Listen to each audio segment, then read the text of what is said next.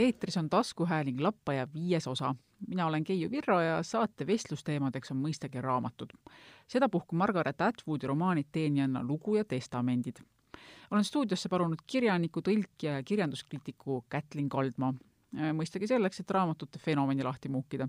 võrdluseks võtame aga lapata ühe viimaste aastate enim tunnustust kogunud düstoopia, Naomi Aldermanni The Poweri see raamat esindab mõnes mõttes pahupidi keeratud Atwoodi maailma. nimelt on seal võimul naised, kes on omandanud võime kätest elektrilööke välja saata. see on pööranud kogu võimu suhtestikku pahupidi, nii et mehi tähtsaid asju tegema ei lubata, sest muuhulgas on ju teada, et kuna nad ei sünnita, siis pole neis piisavalt võitlushimu etteruttavalt veel nii palju, et saate teises pooles tuleb esitlusele seekordne raamatuide tabel, mitte nii üllataval kombel on teemaks düstoopiad ja seejärel on stuudios juba kolleeg teiselt poolt koridori ehk Bianca Mikovitš Maalehest. Bianca räägib meile loo raamatutest, mis teda õnnelikuks on teinud.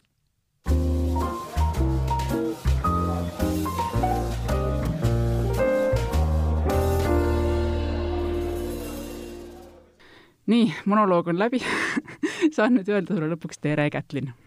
tere, Keiu! no oleme siin ette võtnud düstoopiat tänaseks teemaks, et ilmselt tasub alustada sellest, et pisut lahti rääkida, mis need düstoopiad ikkagi teevad. mis selle žanri taga on, et üks asi on see sõna, et seda me teame, et algselt oli, kõigepealt oli utoopia, mis oli juba, mis ta siis oli, tuhande viiesaja kuueteistkümnendal aastal Thomas More'iga äh, tekkis meile see sõna selle kujul, nagu me teda teame. ja siis läks kõigest umbes kolm sajandit mööda ja ja juba hakatigi rääkima düstoopiatest aga Kätlin, sina oskad võib-olla paremini seda kirjanduse poolt avada. mida düstoopiad teevad, miks meil neid tarvis on? vot miks neil tarvis on, sellega ma jään küll täiesti jänni, ma pean tunnistama kõigepealt kohe, et ma ei ole ise väga suur äh, düstoopiate lugeja ega üldse ei ole ma selline suur ulmekirjanduse lugeja, et kui ma olen äh, selliseid raamatuid lugenud, siis rohkem pigem ikkagi nii-öelda sealt äh, kirjanduse poole pealt ja no kui on olemas utoopia, ehk siis äh, võimalikult kaunis ja ideaalne maailm, siis on ju täiesti loogiline, et sellel on ka vastand, et see teine pool, et täiesti äh, nagu ideaalselt negatiivne maailm, kus ei ole mingit vabadust ja inimestel on nagu kõik, kõik on kontrolli all, suur silm käib ja vaatab ja jälgib ja ja noh, põhimõtteliselt meil on nagu jah, nagu Margaret Atwood ütles, siis suur silm on meil kõigil taskus kogu aeg, iga päev, et me oleme juba tegelikult elame düstoopias. nii et ähm, ega siin nalja ei ole nojah, sellest saame peagi rääkida lähemalt, aga, aga eks on Atwood ise korduvalt ka maininud, et tema raamatute sündmused ei ole võetud kuskilt õhust, need on ikkagi, põhinevad reaalsetel ajaloolistel sündmustel kas ehm. keegi on selle järge ka niimoodi ajanud, et, et kus kohas mingi sündmus on täpselt toimunud või et ähm, ja vot ma seda küll ei äh, jõudnud niimoodi nüüd uurida, et kas keegi on teinud niisuguse uurimuse, et täpselt võtnud näiteks sealt teenijanna, teenijanna loost äh, erinevad aspektid ja siis, et kus nii on juhtunud ta on ise intervjuudes maininud neid ajalehtede väljalõikeid, mida ta on nähtavasti kogunud ka, kus on eh, kõik, kõikvõimalikud erinevad sündmused eh, kirja pandud, ma arvan, et see tasub täiesti omaette uurimist veel võib-olla ähm,. jaa, seda tahaks küll teada, teada, et tegelikult nagu nii-öelda omast peast võib ju mõelda, et et midagi sellist on ju olnud kusagil seal ja midagi sellist on olnud kusagil tääl, aga siis on hea, kui no ütleme nii, et see jääb nagu nende tulevaste ähm, arhiivi äh, uurijate pärusmaaks. No Atwoodil jagub neid uurimisteemasid, ma arvan, enam ja. kui küll mm,. lihtsalt, kui need arhiivid lõpuks avanevad, kui see, kui see, kui see estate kusagile raamatukokku läheb, ma olen kindel, et nagu Texas Ransom University või keegi nagu on selline või äh, Kanadas on neil Montreal McGill'i University, mis äh, ostab üles juba kirjanike eluajal nende, nende pärandit ja nende, nende dokumente ja materjale, need Kanada kirjanikud on ääretult õnnelikud, et selline kümme kasti seisavad nurgas esikus, et jess, ülikool võtab need ära, ma saan nagu lahti sellest rämpsust, et ära ei taha visata, aga ise nagu säilitada ka ei viitsi. ja kui Margaret Atwood on Kanada kirjanik, no et noh, igal juhul me räägime siin maailmadest, mis on sisuliselt siis untsu läinud utoopiad ja et ei ole mitte unenäod, vaid on õudusunenäod aa ah, jaa, ma vaatasin, lugesin enne ka Janek Raavi postsõnastikku enne seda saadet läbi, tema on Sirbis kirjutanud muuhulgas seda, et düstoopia põhiteema on vigane keskkond, millest lähtuvalt võiks esile tuua kolm põhilist rühma. poliitilised, ideoloogilised düstoopiad, siis teiseks teaduslik-tehnilised düstoopiad ja kolmandaks keskkonnadüstoopiad. et meie oleme siin peamiselt siiski esimese juures ja natukene vist Atwood ikka puudutab võib-olla siis seda kolmandat, ehk siis keskkonnadüstoopiat nagu veidi-veidi seal teeb mingisuguseid vihjeid ka. no kui sul mingid pommid lendavad, siis see paratamatult saab selle osaks, jah. nii, ja nüüd me saame siis asuda juba täpsemalt nende romaanide kallale.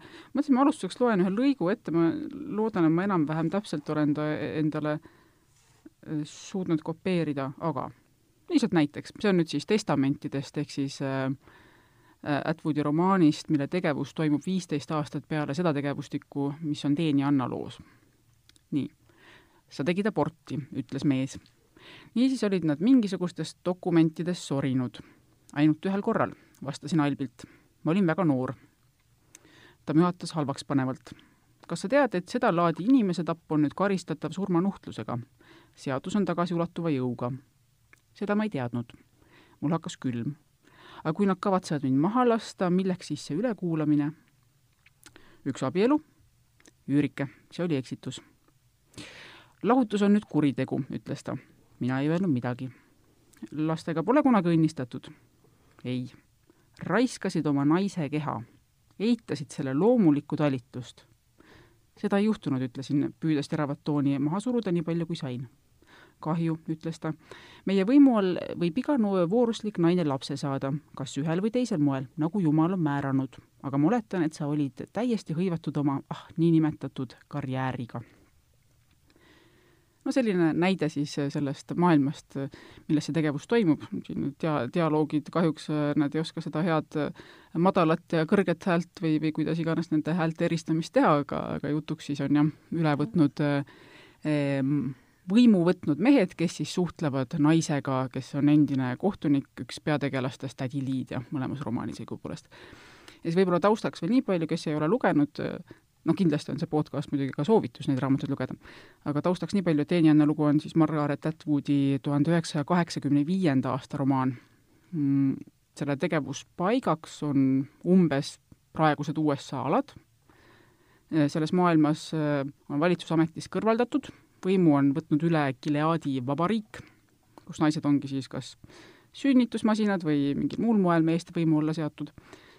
Äh, loo keskmes ehk siis jutustaja hääleks on Offred, kes on üheks selliseks nii-öelda teenijannaks, kes neid lapsi siis peaks sünnitama. see Offredi nimi näitab siis vastavalt ka kuuluvust, ehk siis Offred, põhimõtteliselt Fredi oma justkui, äh, ehk siis naise enda isik äh, ja seda tähistav nimi ei oma põhimõtteliselt tähtsust. jah, ja kui ta ma-, vahetab äh, maja, kus ta peab äh, lapse ilmale tooma, siis vahetub ka tema nimi. just, just. ja testamendid ongi siis äh, vastavalt nüüd selle loo järg, mis mis on täiesti värske romaan tegelikult, Atwood kirjutas selle kahe tuhande üheksateistkümnendal aastal ja eesti keelde tõlgiti ta nüüd, ehk siis ta ilmus minu meelest juuli lõpus vist eesti keeles et sugugi mitte äh, mitte kuigi ammu juhtunud ja seal siis äh, tegutsevad juba esimese romaani peategelase lapsed ja õõnestatakse seda Gileadi siis seal suuresti. nii, ma, ma, ma tädi Liidia ka möllab edasi. tädi Liidia möllab ikka väga suurelt seal ja võib-olla alustuseks, noh, ikka klassikalised, kuidas siis meeldis, eks ju aga, aga võib-olla selles võtmes, et Teeni Anna lugu, kui, kui ta on kirjutatud aastal kaheksakümmend viis ja, ja nüüd, kui aastal kaks tuhat seitseteist tuli välja seriaal, mis on osutunud meeletult populaarseks, siis mis sa arvad, mis on selles romaanis sellist ma ei tea siis, aastakümnete, mitme aastakümne üles, mis teda niimoodi on siis tõmmanud? või noh, jah, et inimesi tõmmanud selle romaani juurde, nende teemade juurde, mis, mis seal on sellist, mis nii hirmsasti kõnetab? Margaret Atwood on äh, tema enda suureks õnneks äh, kanadalane. et äh, see on üks ähm, kaasajal üks, üks ähm, lihtsalt öeldes normaalsemaid ühiskondi, mis puudutab ähm, mitte First Nationi naiste olukorda ähm,. aga eks ähm, see valmisolek on ähm, kogu aeg, ma ei tea, kuidagi ma arvan, naisena see patriarhaalne ühiskond äh, on tugev. no et seal kõrval on ju kohe Ameerika ja seal allpool tulevad kõik äh, Ladina-Ameerika riigid ja see on üks selline ähm, mehise ülemvõimu pesa on isegi nagu vähe öelda. nii et äh, et seal on ikka sellist ähm, noh, niisugust ähm, maskuliinsust kõvasti. Ähm, ja noh, mina ei tea, et kes ikka täpselt teab, miks, miks ta selle teenijana loo kirjutas, aga kaheksakümmend viis, kui ta ilmus, siis see oli juba, eks ole, selline äh, külma sõja lõpuaeg, kommuniste enam nii hullusti taga ei kiusatud mm no eks seal ikka oli mingi sisemine, mingi sisemine sündus ilmselt äh, Atwoodil, mis pani teda seda kirjutama ja, ja äh, vaatasin ka, et üle kaheksa miljoni on seda raamatut ingliskeelsena müüdud äh, nende aastate jooksul, et äh, mine tea, kui palju siis teistes keeltes, kui on üle neljakümne erinevasse keelde tõlgitud, on ju. Et äh, väga paljudes äh, Nõukogude bloki riikides ei saanud see ilmuda enne äh, lagunemist, nii eesti keeleski ilmus see alles üheksakümne kolmandal aastal, on ju üldsegi mitte, mitte, mitte varem. ja ähm, noh, Trumpi tulekuga võimule ikkagi see kõik võimendus, et tegelikult see, see naiste olukord ja see, kuidas jällegi tulevad mehed kokku siin ja mehed kokku seal ja otsustavad, et ähm, mida sa oma kehaga teha tohid, et kas sa äh, tohid teha aborti, kas sa noh, ja see kõik on nagu naisekeskne. et no et ei, ei öelda, et äh, mees ära noh, ära külva, vaid et lihtsalt ei, sina, naine, sina see on sinu töö, sina pead seda tegema ja kui sina ei taha seda teha, siis, siis, siis sina oled kurjategija. ja et ähm, mm, ma ei tea, minu jaoks tundub see nagu hästi, hästi äh, ka see Eesti, Eesti arutelud on äh, ju tegelikult natukene jaburad, kui me mõtleme selle peale, et äh, väga lihtne statistika, et äh, iga päev sureb näljasurma mingisugune kümme-viisteist tuhat last maailmas. ja siis me nagu mõtleme selle peale, et kuidas, kuidas äh, me peame sundima inimesi, inimesi lapsi saama nagu vägisi, noh, ma olen nagu väga ressursside ringi jagamise poolt et see jah, ja see on väga, väga mõjuv romaan muidugi, see Teenijana lugu, ja kui see seriaal tuli ähm, kahe tuhande seitsmeteistkümnendal aastal, siis muidugi oli väga hästi tehtud, tõesti, ma ei tea, kas sa oled jõudnud ise vaadata? mina ei ole kahjuks seda mm. kätte saanud, sellepärast et sellistel platvormidel, kui, kus ma sellele ligi pääseks, teda ei ole. jaa, ja, ja, ja see võeti ju maha, eks ole, kui Hulu tegi oma platvormi ja, ja siis äh, on teda keerulisem vaadata, aga ma jõudsin enne ära vaadata ja esimene hoo, esimene hooaeg on äh, kõige tugevam loomulikult. no mis, ma kardan väga vaadata filme ja, ja seriaale raamatutest, mis on mulle meeldinud. aga õnneks, kuna ma seda teine lugu su lugesin suhteliselt hiljuti, ma ei saanud seda lugeda noores nooruses, sest ma ei osanud inglise keelt e, ja eesti keeles ei olnud teda olemas e, ja siis, siis ma lugesin seda niivõrd noh, juba täiskasvanu eas, et et selle ähm, ta ei läinud nii tugevasti nagu sellisesse luuüdisse sisse e, ja ma sain seda rahulikult vaadata. Ehm, ja ma soovitan väga eriti esimest hooaega, esimest hooaega tõesti soovitan vaadata, sest äh, see, kuidas ähm, see maailm on muutunud visuaalseks, no ega seal ei ole, esimesel hooajal ei ole selle romaaniga nii suuri erinevusi, et see teine ja kolmas hooaeg on rohkem välja mõeldud, juurde nagu nuputatud, et kuidas seda sinna külge veel pookida, mingeid lisategevusi, et see, eriti kolmandas hooajas, see pookimine hakkab juba välja paistma aga selles esimeses hooajas muide on ka Margaret Atwood ise sees, ta on esi, kas ta on esimeses või teises seriaalis, kui naisi alles kogutakse kokku nagu sealt äh, Ameerika pealt e, ja alles koolitatakse neid siis välja teenijannadeks, et ühesõnaga neid seal äh, alandatakse ja pekstakse ja, ja tehakse neile seda sellist äh, mm, koolitamist, et äh, sind vägistati ja ise oled süüdi ja noh, see sellist ähm, äh, mis testamentideski kergelt läbi käib, et see selline, see naise alandamise noh, mis oleks koolituse vastand, eks ole, et enne naine tunne oma kohta, et sa oled seal põrandal, põrandal kusagil lähedal väikene kirbukene, kes, kes peab olema rase ja olema elu lõpuni äh, kandma süümepiinu, sellepärast et sa oled kunagi aborti teinud et seal on muide Mar-, Margaret Atwood ise äh, on üks äh, neist naistest, kes, kes, ta, ta annab isegi ühele tüdrukule kõrvakiilu seal. nii et äh, esimeses või teises osas.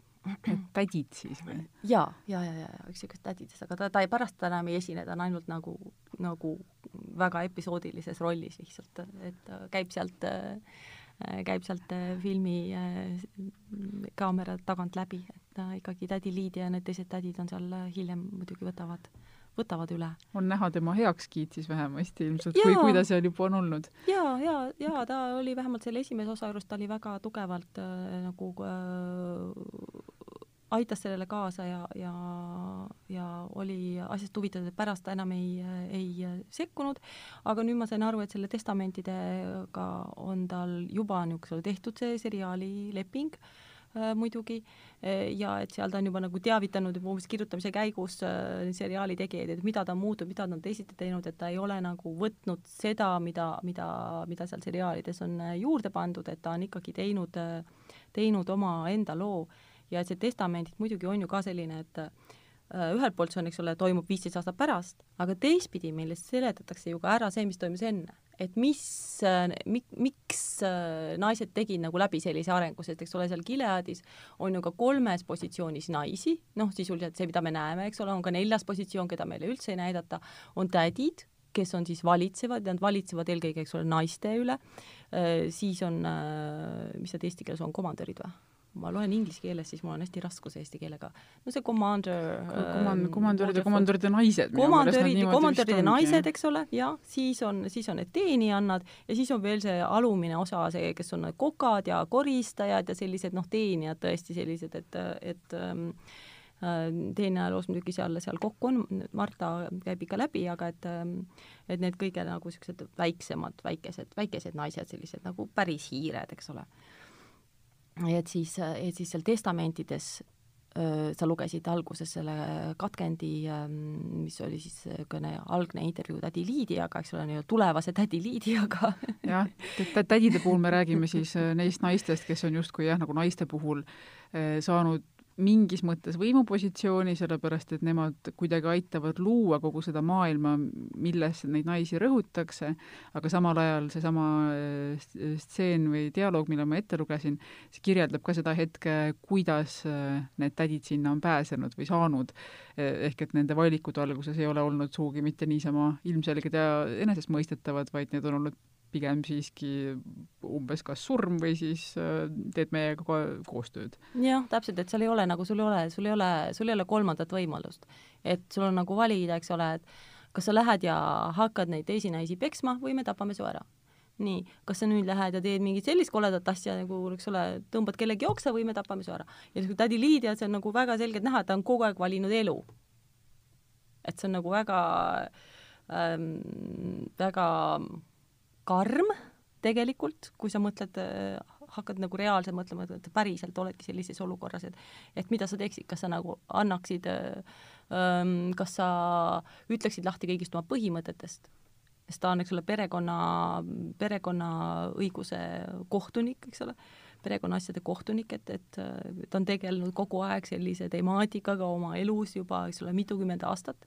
Ja siis tullakse ja, ja öeldakse, et nii, et nüüd nad sa, nad hakkaks kavalalt seda nagu ära kasutama, et noh, et selline, et loob sellise enda omas mõttes nagu tema, tema päevikud jooksevad sealt läbi, kus ta kirjutab öö, oma öö, sammudest, see on muidugi täiesti salajane dokument ja ja selline nagu kloostri moodi selline naiste noh, noh, ikkagi selline kloostri moodi asutus või kuidas seda isegi jah, kõikide oma nende hierarhiatega ja kõik need raamatukogud meenutavad ja. jah, seal on need raamatukogud, mis, milles on üha suletumaid osakondi, kuhu üldse mitte kõik ligi ei pääse, nii edasi.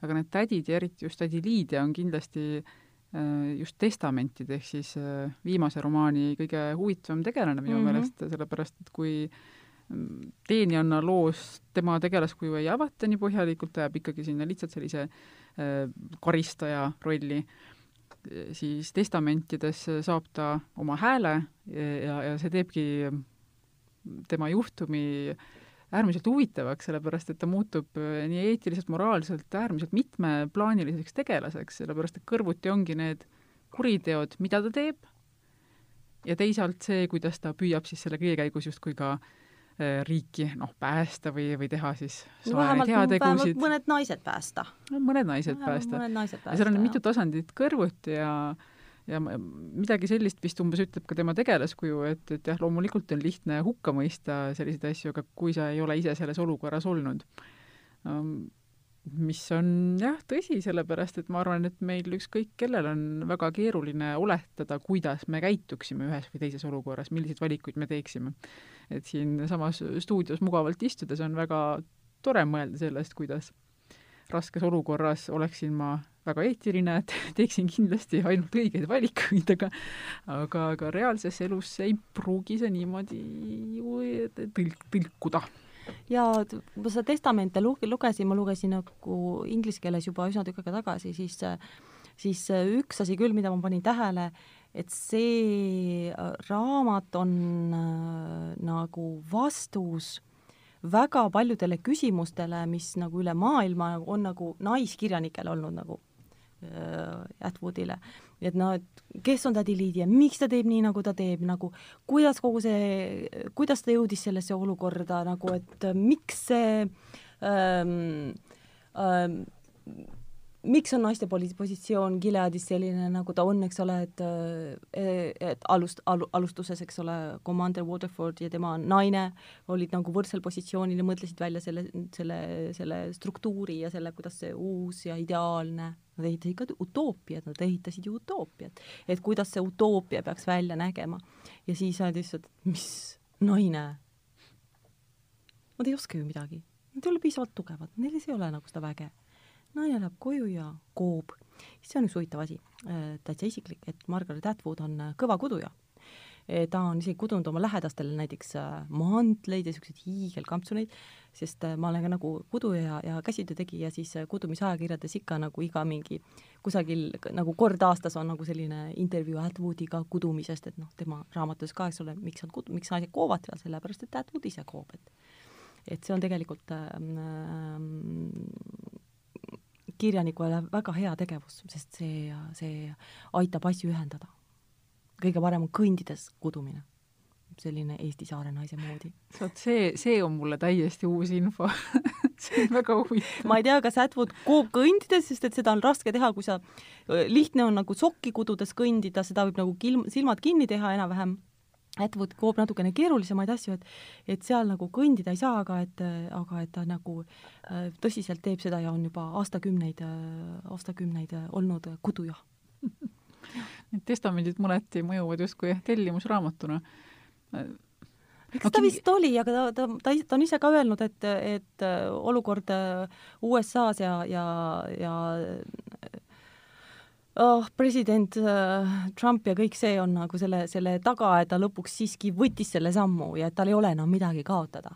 ta on tegelikult juba, eks ole, sellises, sellises vanuses ja sellisel positsioonil, et tal ei ole enam tal ei ole enam mitte midagi kaotada ja noh, kirjanduslikult see on, see on äh,, see on suurepärane raamat. ja kusjuures selle aktivisti positsiooniga pisut äh, seostub veel omakorda see, et enne seda, kui ta Teeni Anna loo kirjutas, on ta vist kuskil kaheksakümnendate alguses on ta isegi kirjutanud ühe essee, kus ta veel ei olnud üleüldse mitte sellisel aktivistlikul positsioonil, vaid pigem leidis ähm, et jah, et kui kirja, umbes niimoodi ma ümber üritan nüüd rääkida, et et, et kui äh, kirjanik võtab äh, seisukohti, avaldab aktivistlikul positsioonil, siis on see loomulikult sellele üritusele kasuks. aga ta ei olnud sugugi mitte seda meelt, et see kirjanikule endale kasuks oleks, et ta võtab seda positsiooni. ehk siis ta oli pigem sellisel äraootaval või, või, või mittepooldaval seisukohal, aga, aga lugu käib kuidagi umbes niimoodi, et et, et olla, olla sattunud ka mingisugustesse keerulistesse situatsioonidesse ühe tuttava kirjanikuga kuskilt keerulisematest oludest ja siis see nähtavasti oli mõjutanud tema arusaama jaa, selle kohta ma isegi tean isegi täitsa täpselt, kes see kirjanik oli, Goran Simic Bosniast. Susan Sontag käis, käis, käis mm, Bosnias ja Sarajevos sõja ajal ja, ja nad tahtsid sealt nagu aidata kirjanikel põgeneda. Ja kuna Ameerika ei õnnestunud kuidagi nagu äh, saada äh, Koranit, kes olid nagu, kannatas seal tõsiselt ja tema pere oli nagu väga suures hädas, siis äh,, siis äh, Sontag ja, ja Pegi organisid ta koos Kanadasse ja ta oli Kanada Penni esimene Friday in Exile. Ja elas äh, Kanadas paarkümmend aastat, nüüd on tagasi läinud Bosniasse, et äh, jah, ja praegu on Margaret Atwood väga tegelikult omal mm, passiivaktiivsel moel äh, nagu toetab Benni tegevust väga tublisti, eriti äh, Ben Ameerika tegevust ja ütleme nii, et äh, kui sa oleksid nende meililistis, siis äh, alates no novembrikuust sa saaksid iga, iga kahe nädala, ei, kaks korda nädalas saaksid sa nagu äh, Margaret Atwoodilt umbes isikliku meili, see muidugi tuleb nagu sellist nagu suurelt nagu listist, aga seal on igal pool on sul Margaret Atwoodi pilt ja ta räägib midagi ilusat ja kaunist ja jõuludest ja ja annetamisest ja kirjanike aitamisest, et ta tegelikult äh, ka ikkagi on noh, et ta natukene oma ajast pühendab sellele ikka kogu aeg. jah. no energiat jagub nähtavasti mm.. aga jah, pärast neid sündmusi siis väidetavalt hakkaski koguma neid ajalehe väljalõikeid, et kui enne oli põgusalt juttu neist sündmustest, siis mõned, mida ta on ise minu meelest välja toonud, on näiteks Tšesku dekreet seitsesada seitsekümmend oli, eks selle nimi, Ehm, Rumeenia sotsialistliku vabariigi äh, aegne äh, noh, kus ikka ka aborti taheti keelustada ja, ja iga naine peaks neli last saama, oli selle asja mõte umbes, nii palju, kui mina olen aru saanud. et jutt käib siis kuuekümne kuuendast aastast, mida, millega mul ilmselgelt isiklikke mälestusi ei saa olla ehm,. ja siis need lapsed võeti ära sest et vanemad ei jaksanud neid kasvatada ja siis nad võeti ära ja viidi sinna riiklikesse lastekodudesse. millega ja, seostus meeletuid skandaale veel, jah. skandaale, vaid nagu terve, terve põlvkonnad äh, katkisi, katkisi ja haigeid inimesi. vaat kui kenasti sellega läks ja, ja no lisaks äh, on olnud, ma ei tea, kas see nüüd oli USA või ta oli ikkagi Ameerikas laiemalt, on ju ei, ta pidi ikkagi olema vist laiem, ka lastekaitseorganisatsioonid, kes on ikkagi põlisrahvaste lapsi röövinud otseses mõttes, äh, no see on nii, nii Kanadas kui Ameerikas ja, kui jälle... Austraalias kui Norras kui nagu selles mõttes, et no, nagu näed, see on, see on igal pool, et nagu viime lapsed sinna koolidesse, võtame neilt ära selle, nende enda pärandkultuuri, võtame neilt ära nende riided ja siis paneme neile kõik need koledad koolivormid selga, lõikame nende juuksed ära, paneme neile kingad jalga ja siis nüüd olete siin. Ja mida tehakse Gileadis no. jällegi, jällegi midagi sarnast. ja noh, rääkimata siis kas või äh, Iraanis äh, alates ajatollah Khomeini aegadest, kus äh, naised, kes enne, enne seda said veel miniseelikuid kanda, oi jaa, need pildid seitsmekümnendate alguses on suurepärased nagu sellised miniseelikud, et isegi jah, ja siis hopsti kakskümmend sentimeetrit seelikut ja siis no kuigi sellega, selle, sellega on muidugi omaette vastuolulised lood, et eks äh, siis, kui omal ajal läks väga liberaalseks seal, siis omakorda keelustati ähm, purkade kandmine vist oli niipidi ja, ja, ja need, need naised, kes olid jällegi harjunud seda tegema ja ei julgenud tulla niimoodi kohe ilma välja, äh, siis neile omakorda ikkagi politseinikud tulid teistpidi äh, peale, ütlesid, et nii ei saa, mille tulemusel omakorda aastaid toas istuvad naised, kes, kelle jaoks oleks olnud häbiväärne ilma välja tulla, nii et keerul-, keerulised asjad, ükskõik kumba pidi hakatakse ette kirjutama, et ega ta lihtne ei ole ühelgi juhul.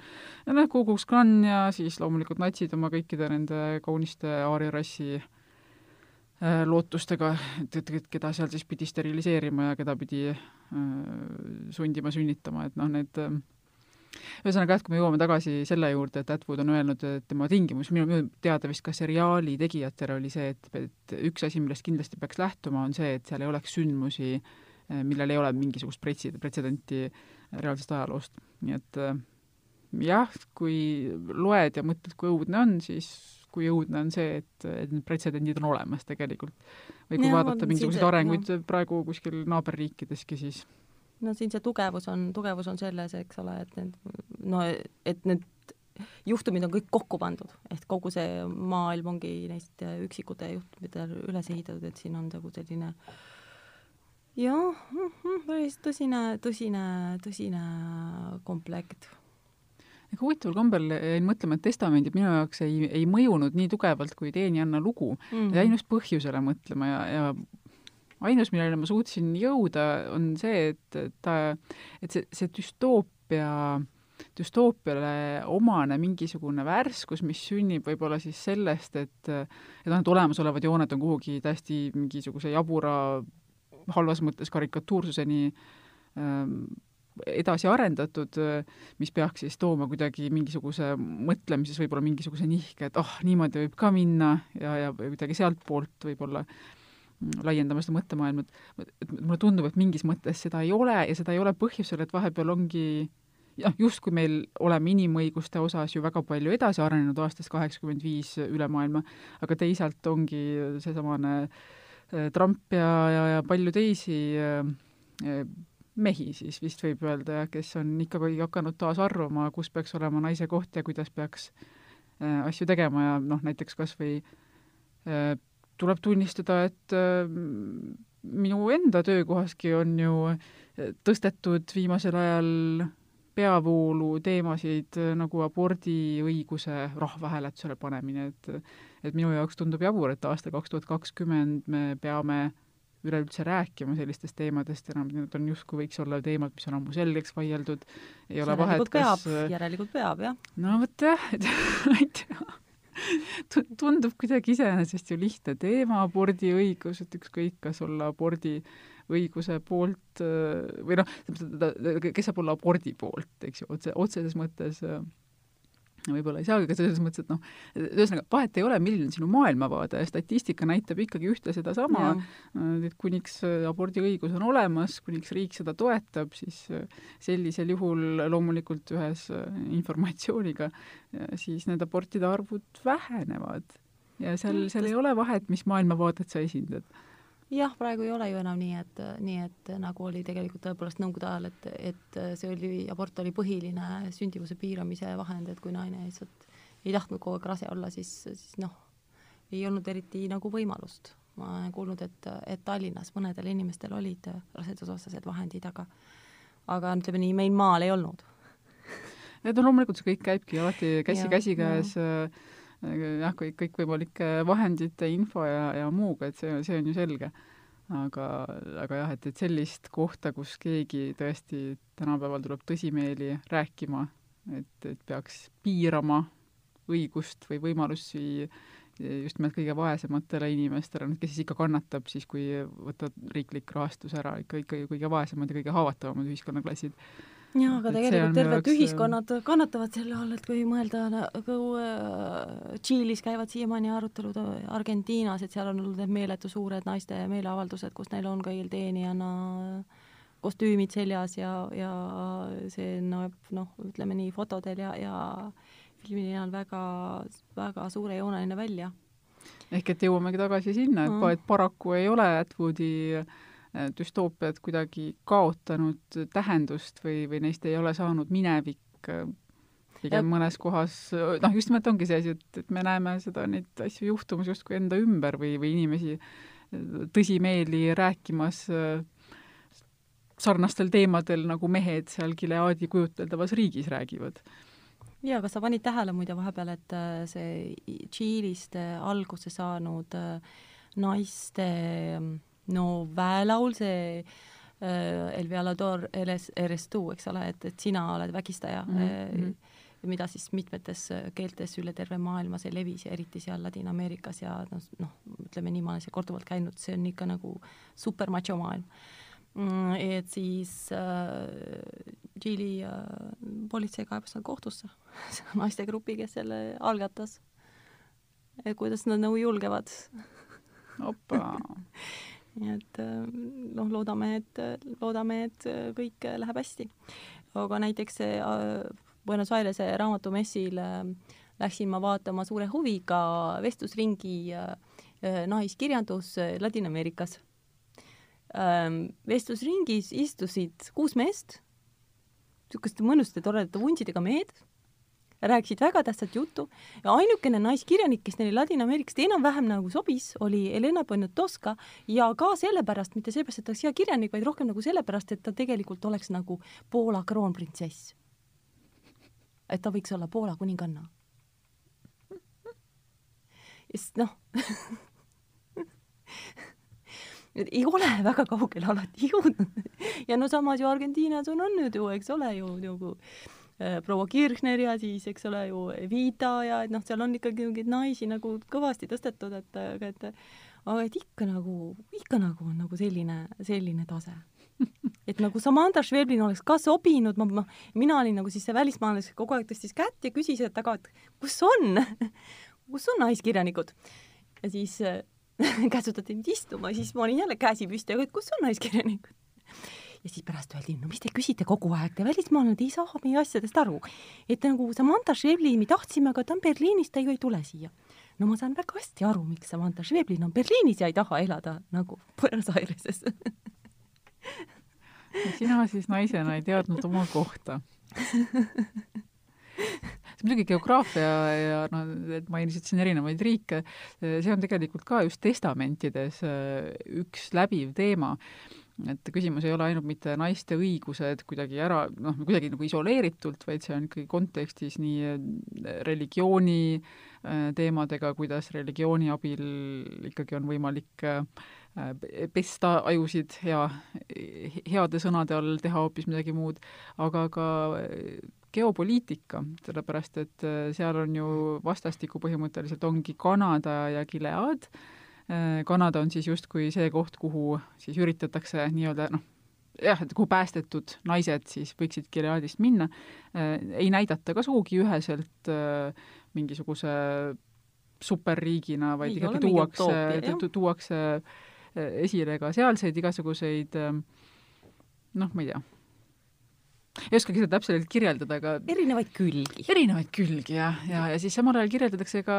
erinevaid neid kujuteldavaid tulevikuriike, äh, mis noh, ülejäänud siis ei ole väga palju erinevad tänapäevastest, ja kes siis ei taha sugugi kuulda neist Gileadi naistest midagi ja, ja, ja ühesõnaga see retoorika on äratuntavalt kirjutatud ikkagi praeguste äh, immigratsiooni äh, küsimuste pealt maha, et, et kuidas ka mingisugused riigid on võtnud poliitilisi seisukohti, kus nad ei mõista üheselt hukka ähm, mingisuguseid totaalrežiime või siis ei, ei taha võtta vastu äh, hädas olijaid, sõjapõgenikke, jällegi poliitilistel põhjustel, et ei taha ärritada seal kedagi ja nii edasi, et, et noh, mis jällegi nüüd düstoopiate mõte võiks ju olla, et osutad kuidagi piisava distantsi pealt mingisugustele probleemidele, et siis seal oleks seda õhku vahel, et, et võib-olla, mis võtab selle, ma ei tea, kas ta võiks ideaalis emotsiooni võtta maha, et seda korraks siis vaadata külmemalt või, või siis vastupidi, anda just pärast seda seda jõudu juurde jah, aga no see on ju kõigest kirjandus, eks ole kõigest kirjandus. aga samas seal käivad ringi ka, eks ole, Gileadi missionärid, kes on tegelikult siis noh, tihtipeale salakuulajad ja, ja, ja, ja spioonid. aga et ilusasti käivad ringi korralikult pärlikestega.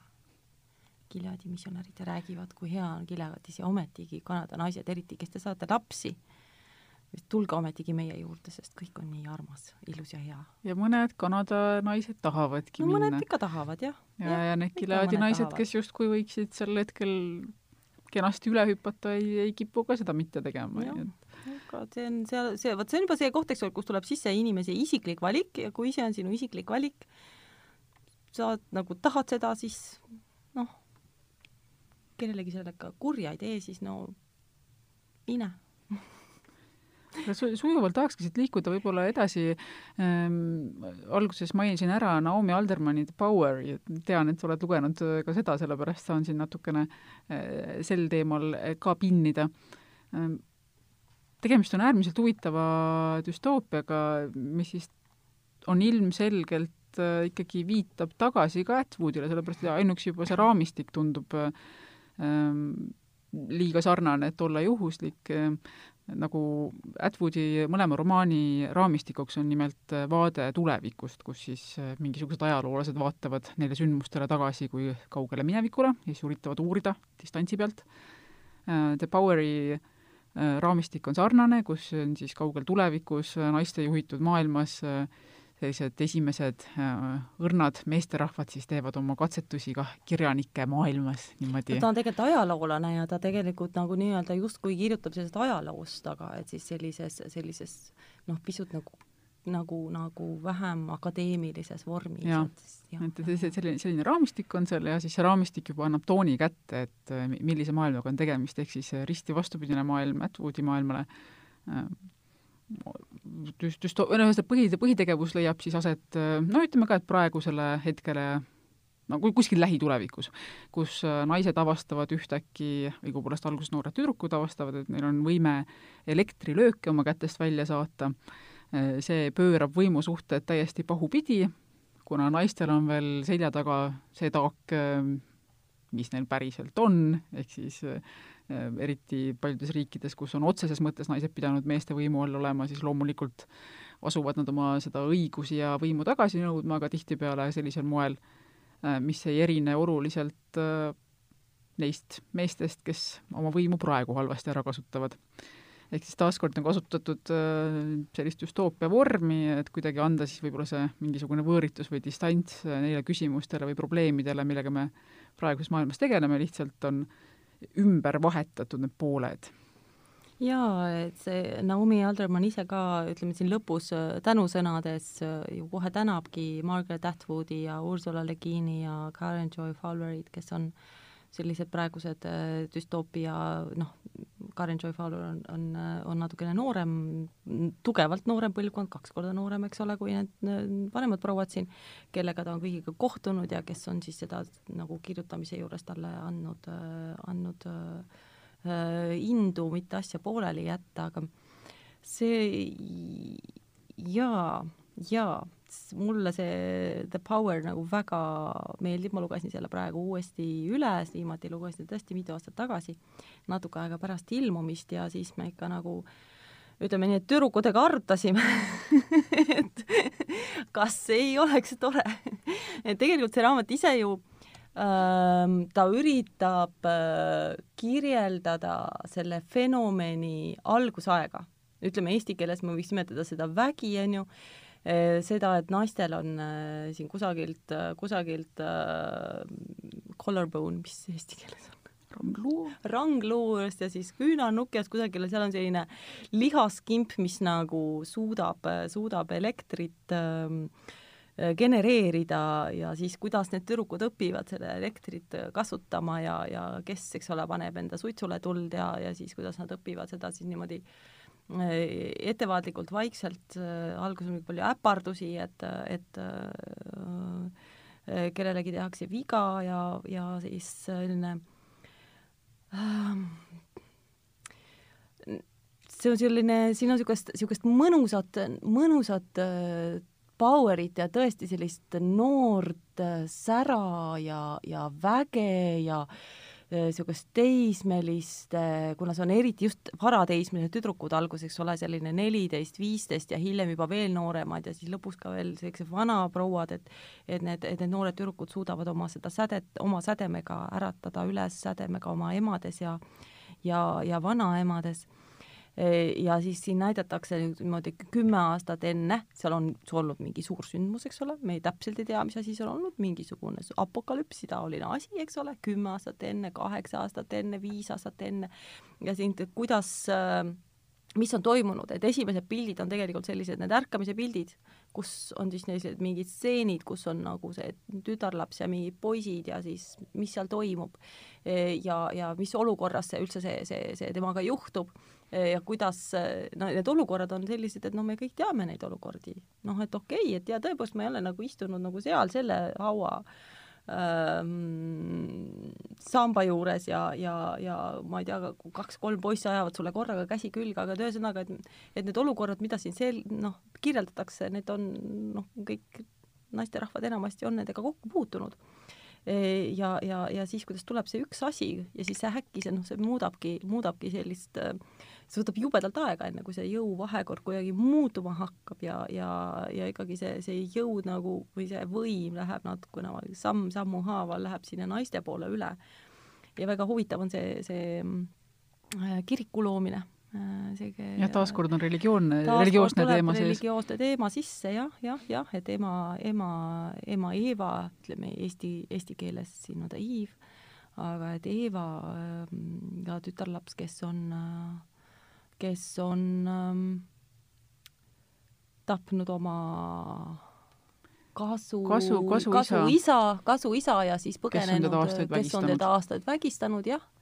Ja, ja, ja, ja põgeneb selle eest ja siis äh, satub kloostrisse, see on esimene koht, kus ta saab rahulikult olla, et saab olla rahulikult tema ise, ta saab süüa, ta saab juua ja ja ta mõtleb, eks ole, mis võiks olla see meetod, kuidas ma saaksin siia jääda, et ma ei taha siit ära minna ja siis siis, siis ta leiab sellise, sellise meetodi, et näed, et, et meil on siin kirik ja noh, ta on nagu kasvas üles, no see, see kodu, kus oli see kasuisa, see oli ka väga kristlik kodu, sügavalt kristlik kodu, nii et piibel oli talle tuttav ja ta hakkas tooma sealt välja igasugust erinevatest usunditest, et on niisugune naine. et nagu jah, et Jumal ei ole lihtsalt, ei ole pea, peale oma isa, on ju ka ema. ja siis äh, Fatima silm peopesal saab nende märgiks. ja noh, siin on nagu väga palju erinevaid, erinevaid selliseid ähm, ähm, astmeid ja tasandeid, et kuidas see, kuna see vahepeal hüpatakse ajas jälle edasi mingis natukene teises kohas ja siis mingis natukene teises kohas.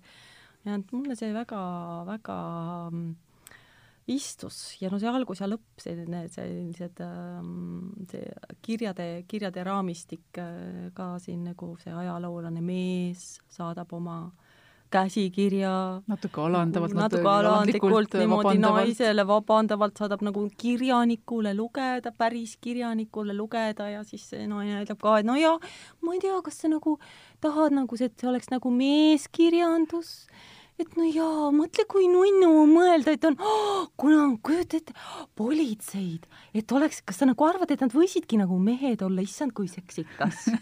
Kui seksikas. Ja mõtle ja sõjaväes ka nagu mehed. Oh,, ma kujutan ette nagu vormis mehed. Marsivad. Oh,, ma ei hakka sulle rääkima, millest ma mõtlen, ma ei hakka sulle rääkima, millest ma mõtlen. See on nagu, see olukord on vastupidi keeratud, nii et minu arust ei olnud isegi nagu mitte düstoopia, nagu noh, lihtsalt nagu noh see on nagu teistpidi keeratud, see on nagu natuke nagu niisugune satiir või ega, ega see on väga elegantne. väga elegantne, siin on nii palju lusti, et siin nagu see, siit, siit puudub nagu see, see raskus, mis düstoopiaga tavaliselt kaasas käib. see tuleb seal nagu lõpupoole, hakkab tulema ka seda raskust, kui tulevad sellised, sellised nagu keerulised otsused ja kus äh, tõepoolest nagu ütleme nii, et noh, peab tapma kellegi ühiskonna huvides et keegi teeb mingisuguse noh, räige kuriteo. aga ta kunagi ei unusta seal neid nüansse just nimelt, et jällegi seal ei ole mustvalge maailm, äh, meile näidatakse jah, meile tuttavaid äh, olukordi tagurpidi pööratuna ja tegelikult neid kõiki on väga lihtne taaskord ette kujutada, et kui tõepoolest oleks võimuvahekorrad pisut teistmoodi, ei ole keeruline ette kujutada tõepoolest religiooni muutumas, sellepärast et mida, mida on läbi aegade tehtud piibliga, noh, piibel ei ole mingisugune monoliitne tekst, see koosneb paljudest erinevatest tekstidest, äh, mida on esile tõstetud läbi aegade, see on ju olnud nii ajas muutuv kui ka konfessiooniti muutuv et see, see, see toimubki päriselt, ei ole väga keeruline mõelda samm edasi ja lihtsalt äh, näha seda mehekesksust äh, muutumas naisekesksuseks samamoodi ei ole keeruline näha sedasama argumenti, et kui praegu öeldakse, et naised on sellised, et noh, et, et kui tihtipeale mainitakse seda emaks saamist äh, justkui mingisugust niisugust emaliku nagu nõrkuse kontekstis, et, et, et justkui oled selle võrra hellem hoolitsevam, aga ei ole keeruline seda näha ka niipidi, nagu näidatakse raamatus, ehk siis, et selle võrra sa pead olema ju tugevam, tugevam, sa pead olema võitleja, sa pead olema alati lapsel olemas, loomulikult sa oledki see tugevam sugupool. Ehm, ja, ja seda kindlasti Naomi Alderman ei, ei noh, miks seda ikkagi düstoopiaks või, või miks mitte ka satiiriks äh, nimetada, aga igal juhul mitte utoopiaks, ongi see, et ta ei ürita maalida sellest maailmast mm. midagi su-, noh, et ühesõnaga, ta ei ürita väita, et kui naised oleksid võimul, oleks see kuidagi parem. vastupidi, ta näitab, et see oleks täpselt samamoodi, ta toob välja need hierarhiad, kuidas võimustruktuurid igal juhul tekitavad olukorra, kus, kus keegi hakkab kannatama ebaõiglaselt, ta näitab, kuidas ähm, võim hakkab sisuliselt korrupeerima inimesi nii lihtsalt ja need, need protsessid on, taaskord ma ütleks jällegi, kasutaks äh, seda sõna elegantne, need on nagu väga hästi välja joonistatud. või noh, minu jaoks mm. üks parimaid näiteid on võib-olla meesõiguslaste liikumine, mis seal tekib. et on need meesõiguslased, kes on siis meie mõistes äh, võib-olla äh, need naised, kes äh, ennast äh, ei nimeta otseselt feministideks, aga, aga on seda noh, siis justkui rahulikult ja ei ütle liiga palju, ei võta sõna, aga ütlevad, et vabandust, me ikkagi tegelikult tahaks sama palju palka saada ja ja, ja ei tahaks, et meid süüdistatakse liiga lühikestes seelikutes, kui, kui on kedagi vägistatud. ja siis teisel pool on kuskil need justkui need radikaalsed meesõiguslased seal raamatus, kelle ilmselge paralleel on siis võib-olla noh, neis feministides, keda, keda siis nimetatakse või leitakse ka olevat kuidagi radikaalsemad, kes võtavad valjemini sõna võib-olla ka sellistel teemadel, kus teiste naistega võib-olla ei pruugi arvamused enam kuidagi klappida, ehk siis kuidas ma nüüd ütlen, et keskmine tänavalt inimene, kes lihtsalt usub, et kõikidel inimestel võiks olla võrdsed õigused, ei pruugi uskuda samu asju ju alati, mida feminismi mingisugused äh, erinevate voolude esindajad, et jällegi tegemist ja, ei ole mingisuguse mono, monoliitse tükiga, eks ju. eriti kui vaadata sealt Ameerika poole pealt, kus on juba no ei tea, mitmes laine käib, eks ole, noh, et meie siin pole esimese lainenigi jõudnud, et, et selline nagu täiesti ähm, jah, kõrvutamatud ja. asjad. et, et jah, võib, võib-olla tasubki meenutada, et kui me räägime feminismist, siis õigupoolest me ei räägi mitte feminismist, vaid feminismidest. jah ja selle joonistab taaskord raamat kenasti välja, et ei maksa panna neid asju ühte patta, ka, ka seal on äh, meeste liikumine, kes äh, harrastab äh, sellist noh, mis siis on, ka kõikvõimalike väärinfo levitamist ja, ja teeb seda kõikide vahenditega, mis paneb nende tõsiseltvõetavuses teisi kahtlema, aga ei ole sama asi nojah, ühesõnaga see on lihtsalt ka soovitus, et, et kes vähegi inglise keeles loeb ja ma väga loodan, et keegi võtab äh, kirjastust ka tõlkida, kui seda veel tehtud ei ole. Äh, Naomi Aldermani The Power, äh, vaatasin, et on ta, ma ei tea, kas ta on otseselt raamatupoes kohe letil ingliskeelsena saadaval, aga igal juhul raamatupoodide leheküljed ütlevad, et nende kaudu on võimalik seda tellida ja noh, kindlasti on võimalik seda e-raamatuna saada väga lihtsalt kätte. jaa, Krisostoomuses maksis vist kaks eurot paberraamat noh, siis, siis, siis pole tõesti. ju häda miskit mulle meeldib nagu selle, selle, selle raamatu viimane lause ja selle võib vabalt ära öelda, see ei reeda mitte midagi uh,. Niil, ma tean, et see võib sulle mitte eriti meeldida, aga oled sa mõelnud, et sa avaldaksid selle raamatu võib-olla naise nime all jaa, on küll selline see on nagu selline nagu niisugune kirss tordi, kirss tordi peal, et Naomi Alder muidugi selle raamatuga, selle raamatuga, ta oli enne ka juba paar raamatut kirjutanud ja ta ähm, äh, on East Anglia University Creative Writingu äh, äh, lõpetanud äh, magistrikraadiga. Ja siis selle, selle Poweri raamatuga on küll nagu siiamaani ilmselt nad saavad endale iga aasta nagu mitukümmend uut üliõpilast, sest nagu see Naomi on nende selline tähtkirjanik, et et tahad saada järgmiseks Naomi Aldermaniks, siis tule meie kooli, õpi. tahaks ja. näha teda lähemalt võib-olla ka nii, aga, aga võib-olla siis düstoopiatega ei lõpeta veel tegelikult, küll aga selle esimese teemaplokiga. palun sul veel korraks stuudiosse jääda, sellepärast et me, plaan ikkagi iga saate juurde kuulub meil edetabel, mis taaskord sellisel äh, ebademokraatlikul moel on kokku pannud nii et ma lasen siia väikse saate kõlli vahele ja siis kukun ette lugema neid meie seekordse raamatu edetabeli nimesid ja, ja siis ma vaatan sulle vahepeal otsa, et äkki sul on ka midagi, lööb mõne huvitava mälestuse mõnega seoses. kas see selline mõte sobib sulle? jaa, muidugi. ja siis tuleb kõll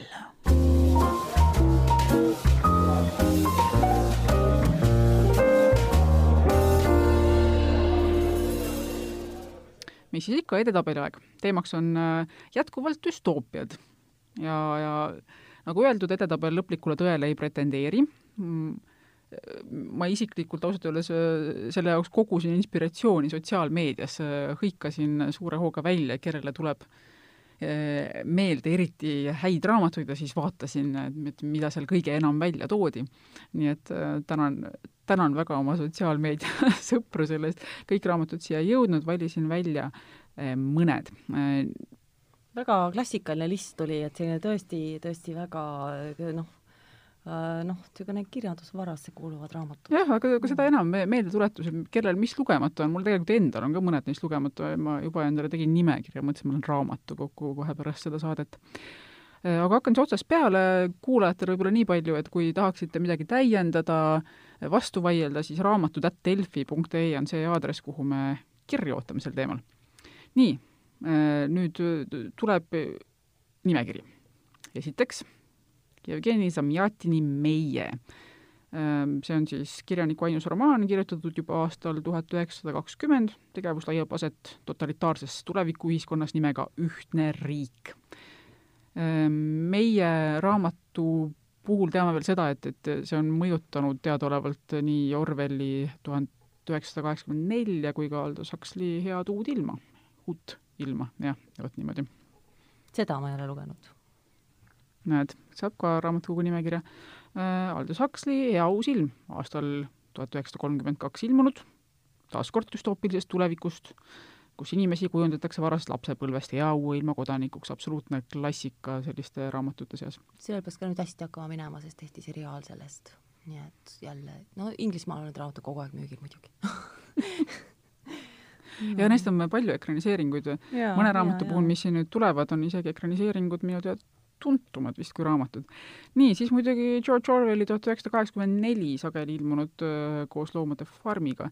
esmakordselt ilmus neljakümne üheksandal aastal ja, ja see on nüüd siis see raamat, mille puhul ähm, ka selles samas sotsiaalmeedia lõimus, lõimes isegi vist korduvalt viidati kui raamatule mille tegevustik on muutunud liigagi tõeliseks kohati maailmas, et noh, õnneks mm -hmm. meil küll mitte üks-ühele, aga no selle kohta pole midagi öelda, see on ikka absoluutne klassika. Eh, sama kehtib ka Ray Bradbury neljasaja viiekümne Fahrenheiti kohta, tuhande üheksasaja viiekümne kolmanda aasta raamat, kus sellest, sellisest maailmast, kust hävitatakse süstemaatiliselt raamatuid ehk siis teadmisi. see on raamatud paberi põlemise temperatuur. jaa ma kuulsin, et Tartus on sellenimeline raamatupood. mu juuksur ütles mulle.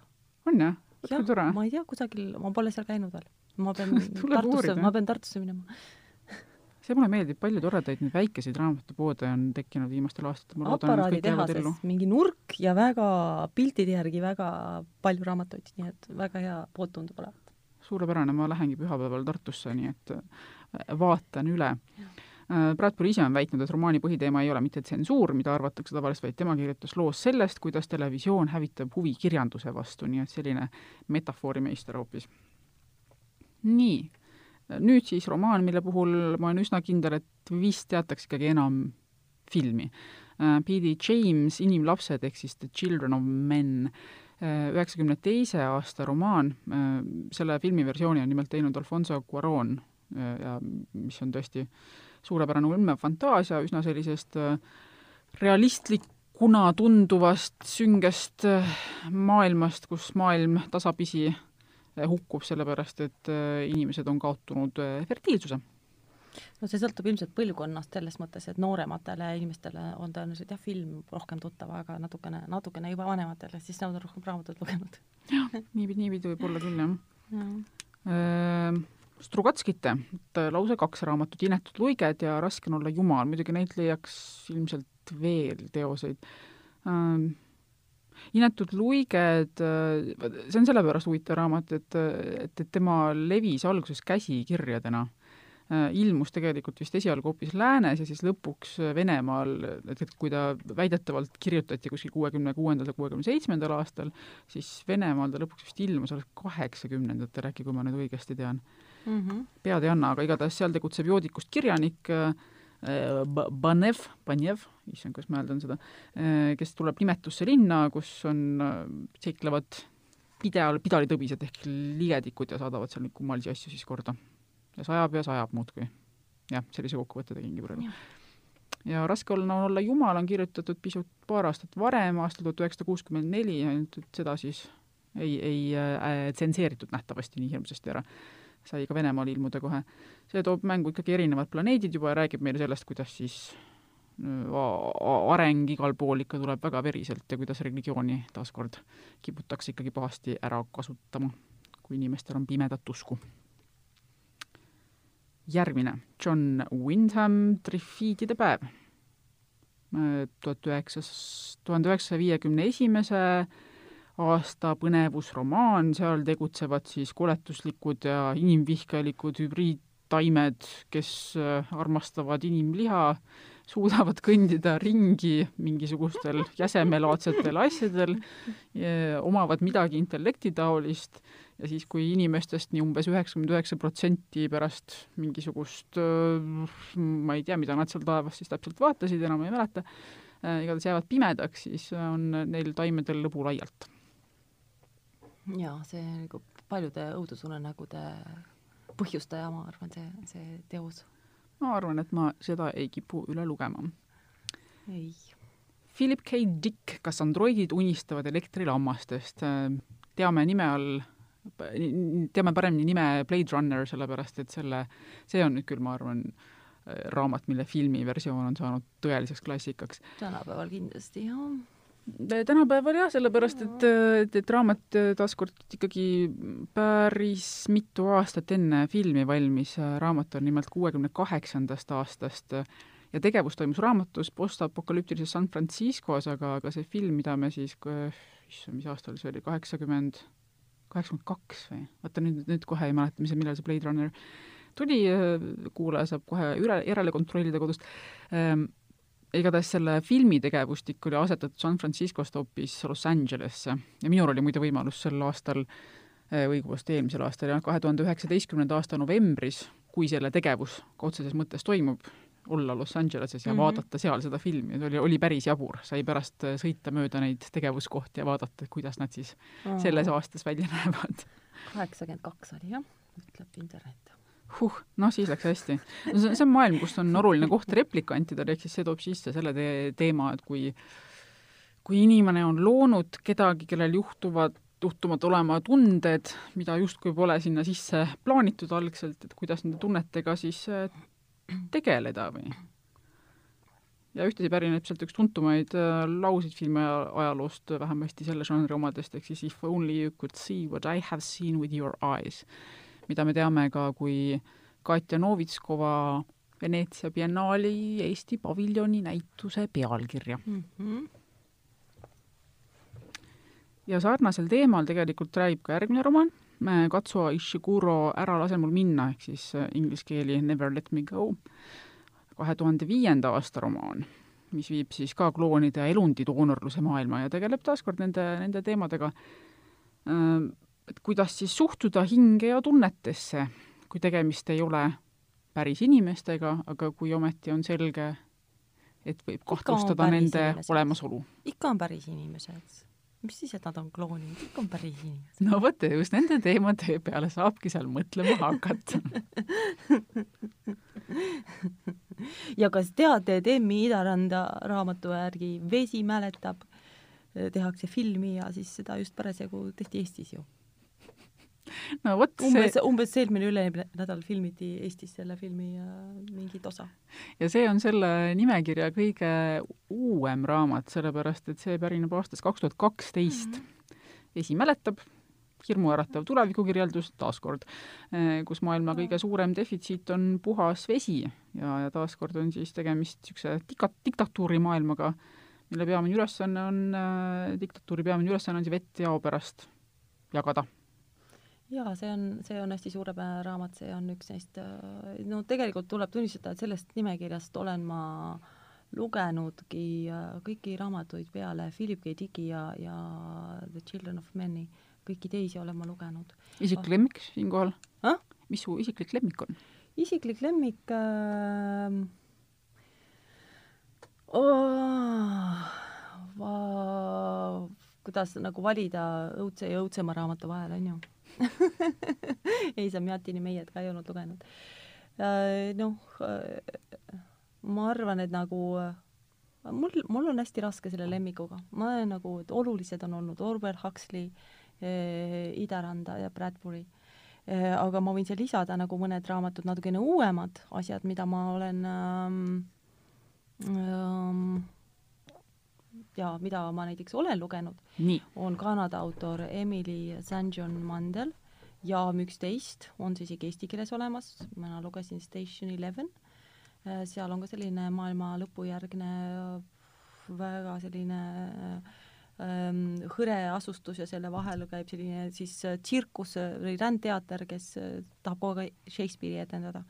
Et selline, selline kentsakas, väga kentsakas, kentsakas kompott. et see ongi huvitav, et on tulnud sellised noored naisautorid nagu ka Emmi Idaranda, nagu sama põlvkond ja sellised noored naised, kes võtavad ja, ja töötavad selle ähm, sellise düstoopia, niisuguse nagu negatiivse tulevikustsenaariumi kuidagi teistmoodi läbi ja sinna tuleb nii palju nagu uusi elemente ja ja no teistsugust äh, tunnetust sisse, sest nagu ei sei-, ei seise niimoodi puhtalt nagu maailma ülesehitamisel, vaid et seal on ka rohkem sellist äh, nagu inimlikku touch'i ütleks. E,, siis äh, üks õudsamaid, õudsamaid selle žanri esindajaid viimastest või no ütleme, viimasest aastakümnest on muidugi Cormac McCarthy äh, Tee, The Road sest on ka ja film see... ja film oli veel mm, -hmm. veel hullem kui raamat, sest et nagu filmi puhul, filmi puhul ei saa sa noh, ei saa terve filmi aja kogu aeg hoida silmi kinni Eh, aga see, selle maailma lõpujärgne maailm, mis seal nagu mehi, see Ameerika mehel nagu tulevad ainult nagu veri, kaltsud, pisarad, igi ei, pisaraid muidugi mitte, sest on tegemist meestega, relva nagu see oh, õõvastav, õõvastav, aga kirjandusteosena suurepärane eestikeelne tõlge, Kersti Unt, suurepärane tõlge, tõesti nagu väga, väga äh, oh, hingad sisse, hingad välja ja loed. et tõepoolest äh, just, just kirjandusteosena, äh, teosena vägev, vägev raamat. Ja siis me rääkisime juba Naomi Aldermanist ja, ja keda ta seal oli täna, tänanud, et Karen J. Fowleri äh, raamat We are all completely beside ourselves äh, ma ei mäleta, kas see on eesti keelde tõlgitud või mis selle nimi võiks eesti keeles olla, aga kes loeb inglise keeles, siis, siis äh, väga soovitan, seal ma ei, selle puhul ma isegi ei taha rääkida, millest see on, sest see oli tõesti see oli äh, äh, gravitatsioon kaob ära see oli nagu eriti huvitav, kõigepealt läks natukene. See, see, see noh, see väga väga äh, fascineeriv lugemine. Mõtlen, nii, mis saab hakata juhtuma, kui ühel päeval ei ole enam gravitatsiooni. No niisugune äh, huvitav äh, jah, väga, väga tugev raamat, kaks tuhat kolmteist. jah, kaks tuhat kolmteist ilmus. et, äh, nii et on ka uuemaid, on ka uuemaid ja, ja täitsa ja noh, mulle tundub, et ma üldse loen rohkem naiste kirjutatud raamatuid, siis, siis äh, naiste kirjutatud äh, düstoopiad ka pakuvad nii kirjanduslikus kui, kui intellektuaalses mõttes päris nagu palju mõtlemist ja, ja, ja on huvitav lugeda ka. No väga hea, nüüd siit saab natukene lugemisvara, ma loodan küll mul endal vähemalt küll see plaan, sellepärast mul viimasel ajal nii palju aimekirjandust tulnud laua peale, et mõtlesin just, et tahaks kuhugi äh, uputada ennast ikkagi nende raamatute maailma, mis kohe kaasa tõmbavad ja, ja ma julgen öelda, et see nimekiri on tulvil just selliseid raamatuid, mis võtavad, teevad ja, ja, ja. nagu need äh, inimsööja taimed. aga egas midagi äh, aitab nüüd nimekirjadest ka natuke selleks korraks ja nüüd ma saangi öelda lihtsalt sulle aitäh Kätlin veel. ma täiendan, ma täiendan no, no, siis selle raamatu pealkirja, ütlen ära, jaa, ei, ei, äh, see äh, Karen, Karen Joy Fowleri raamatu pealkiri eesti keeles on Me oleme kõik täiesti endast väljas. no vot. see on täiesti olemas eesti keeles. täiesti olemas? kaks tuhat kuusteist, jah. asun uuesti tänama sind palun aitäh, Kätlin, et sa leidsid aja äh, tulla stuudiosse ja rääkida nii Atwoodist kui teistest toredatest tuleb välja peamiselt tõepoolest naissoost kirjanikest, kes on siis selle saate kontekstile sobilikult saanud hakkama düstoopiatega. aitäh kutsumast, teinekordki! ja pärast, pärast väikest kõlli on stuudios juba Bianca Mikovitš, kes räägib raamatutest, mis on teinud teda õnnelikuks.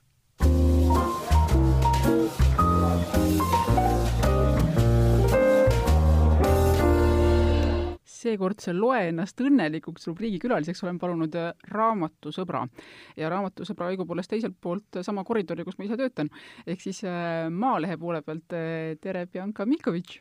no tervist sullegi, nii tore, et kutsusid väga hea, ega ma pikemalt, pikemalt sind ei segagi, sellepärast et ma olen su ikkagi asja pärast siia palunud, et sa räägiksid loo, mis on seotud raamatutega ja mis on teinud sind kuidagi rõõmsaks. sellisel muistsel hallil ajal, kui tohtis veel reisida, saime ükskord väga toreda reisipakkumise väga hea hinnaga Egiptusesse, kus oli üks ringreis, mille osa oli kruiis Niiluse jõel ja minu meelest kõige parem raamat, mis võtta kaasa sellisele kruiisile, oli Agatha Christie Surm Niilusel. see on ka meeldivalt väike ja kompaktne ja kerge raamat ja nii see mu reisikotti läkski. ja seal ringreisil oli väga palju vaadata niimoodi, et ega ma enne tegelikult ei jõudnudki seda lugema hakata, kui seal laeva pardal, seal oli väga meeldiv päikesetekk ja kuna ma äh, mitte noh, igasugustele kõikidele ekskursioonidele enam kaasa äh, joosta ei jaksanud, siis veetsin ka aega rahulikult raamatuga.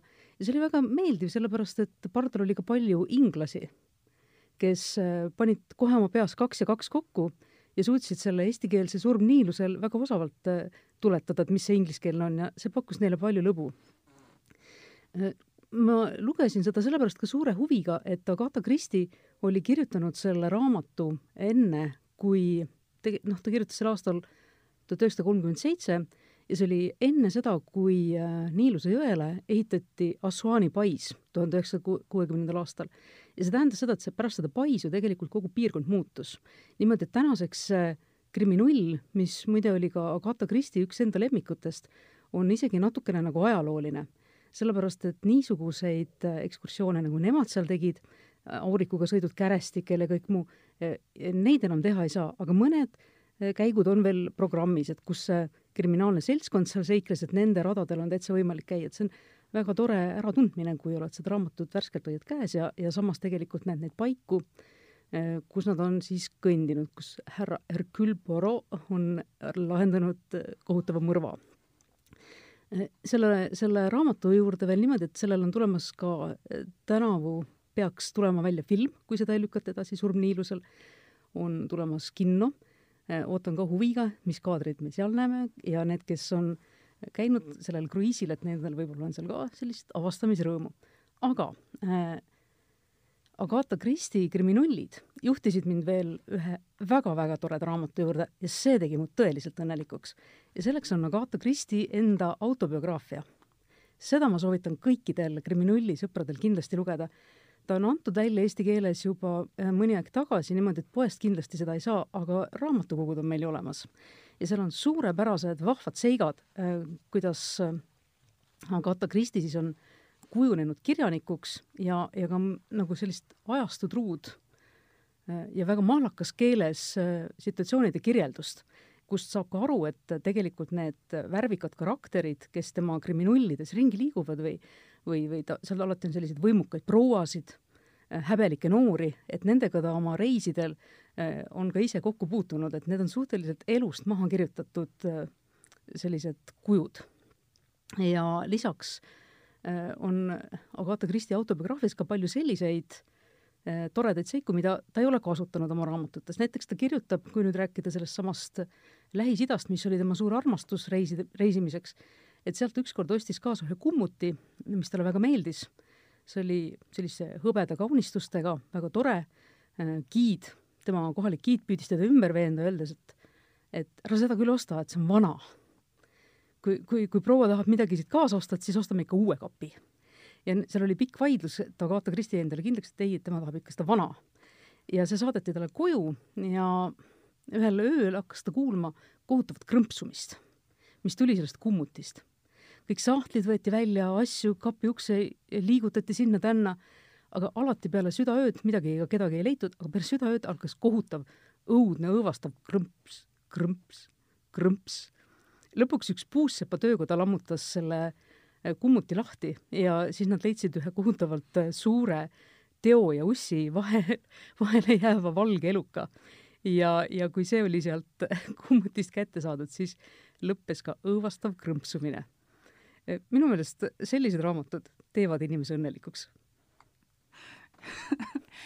aitäh, mulle kohe hakkasin mõtlema, et mida siis praegu teha saaks, et reisimine on keeruline, et midagi muud ei jää üle, et lugeda mõrva Ida Ekspressis ja sõita siis Tallinn-Tartu rongis või? Ida Ekspressi mõrvaga Agatha Christie autobiograafias on, autobiograafias on ka samuti suured tugevad seosed, sest kui tema abielu, esimene abielu oli lahutatud ja tema tütar läks inglastele omaselt internaatkooli, siis avastas Agatha, aga mul ei olegi mitte midagi teha.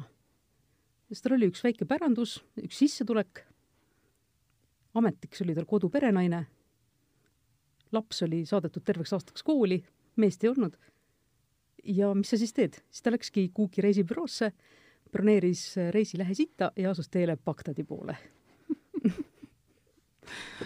ma ei saa neid raamatusaateid teha, ma alati lõpetan suure sooviga lugeda kõiki raamatuid, millest me siin räägime, kõike lihtsalt ei jõua.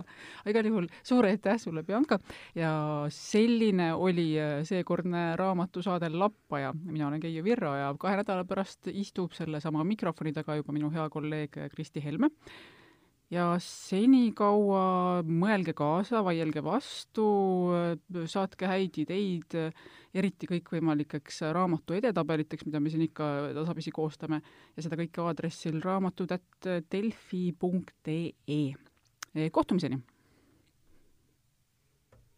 thank you